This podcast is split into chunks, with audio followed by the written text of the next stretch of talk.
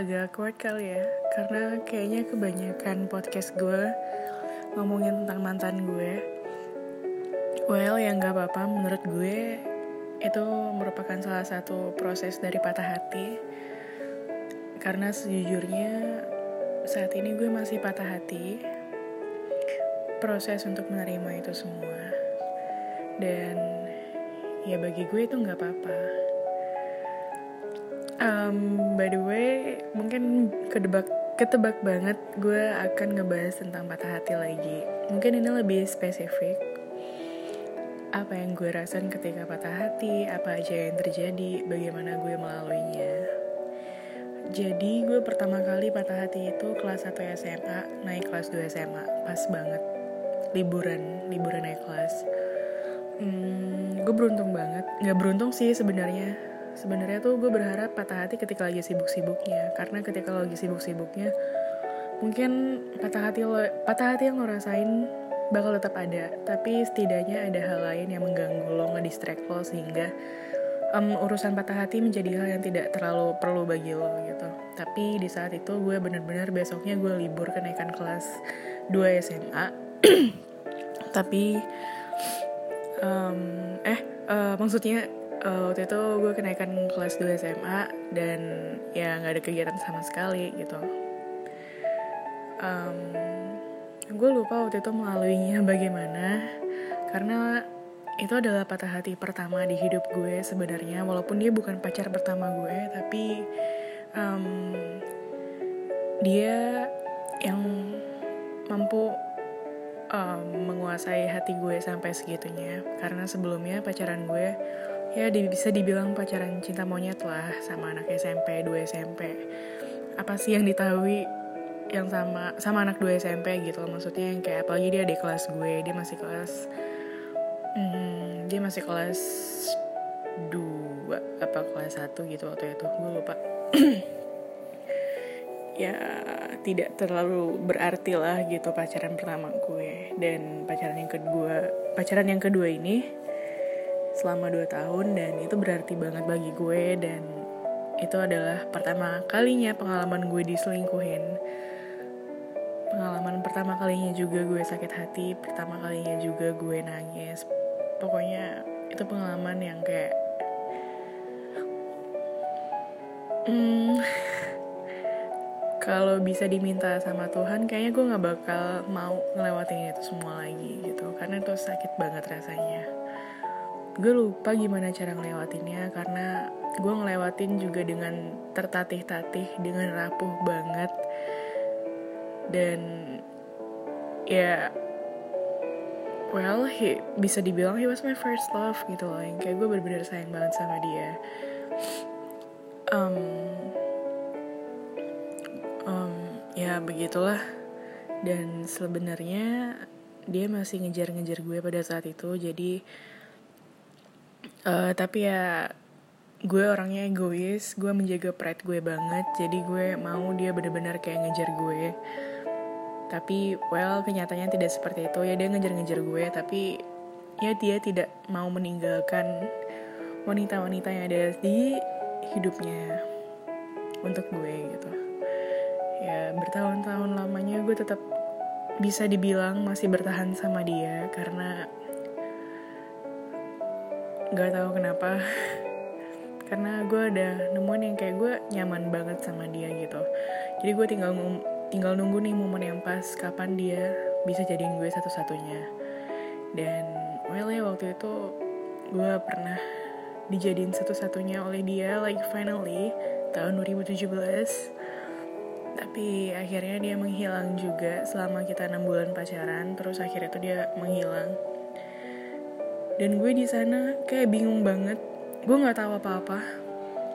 Gue bingung banget abis lebaran hari pertama dia langsung menghilang. Dan gue di sana yang kayak gue nelfon dia berkali-kali padahal gue gue nggak tahu gue ada salah apa. Tapi dia nelfon gue berkali-kali eh gue nelfon dia berkali-kali dan gak dan gak diangkat. Gue ngechat dia segala macam sampai hampir dua bulan dia baru akhirnya ngechat gue dia ngechat gue maaf maaf gue ngilang maaf banget gue sayang banget sama lo gini-gini segala macam. Akhirnya kita balikan. Tapi selama satu bulan lebih itu hampir dua bulan gak tahu kenapa gue ngerasain kayak dia bakal balik dia bakal kembali gitu. Dari gue tahu ada feeling itu gitu dan ya ternyata dia emang balikan. Akhirnya kita bener-bener balikan gitu tapi ya setelah itu 6 bulan lagi kita pacaran tahun 2018 udah gue bilang di podcast sebelumnya kalau gue um, ya hubungan gue udah mulai toxic di sana kita udah putus nyambung. Dan baru gue sadari sekarang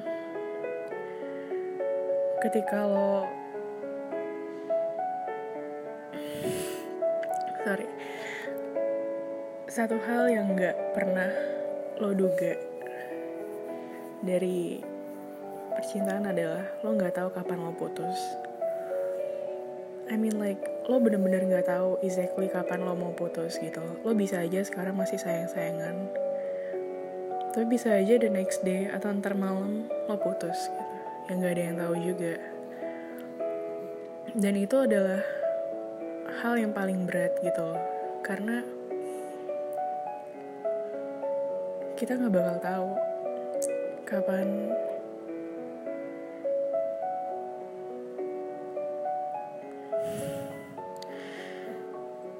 kapan kita nyium dia untuk yang terakhir kalinya. Dan itu bikin sakit banget. I mean like if I know it was the last time that I kiss you I will kiss you harder. Like kalau itu memang perpisahan. Gue akan bener-bener nyium lo yang kayak udah this is yang kayak goodbye kiss gitu. Itu sih yang bikin gue dan itu selalu terjadi di gue gitu. Yang kayak bisa aja gue hari ini masih sayang sayangan sama dia tapi yang kayak antar malam kita berantem bener-bener berantem misalnya seminggu. Bener-bener gak sapa-sapaan gitu. Dan ya udah misalnya kita emang ternyata putus gitu dan gue nggak tahu lagi. Dan misalnya gue kissing sama dia misalnya udah dua bulan yang lalu atau misalnya sebulan yang lalu karena kita LDR kan. Dan well ya kayak gitulah gitu. Waktu itu gue put bulan Jan eh bulan Desember maaf. Desember awal banget Desember.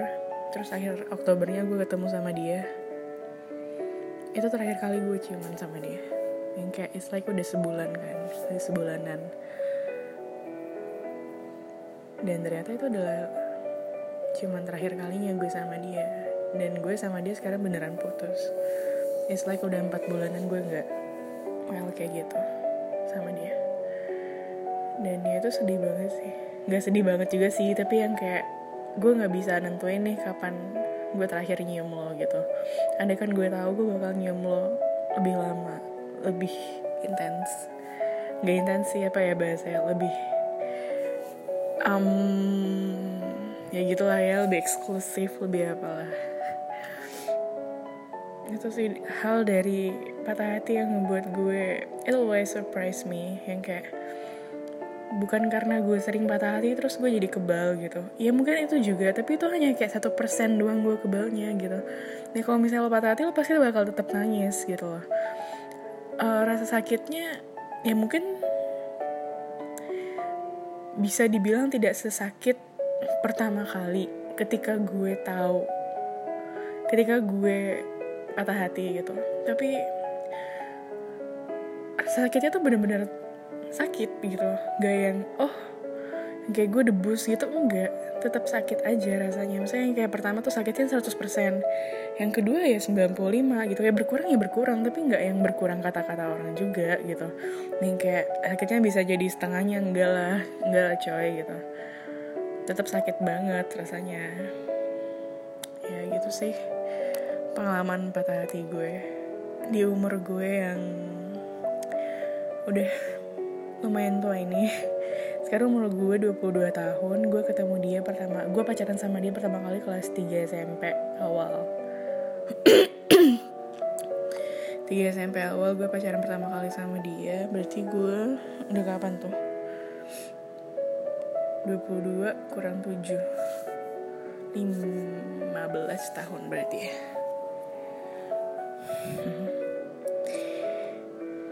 Ya begitulah makasih udah dengerin podcast gue yang gak berguna ini.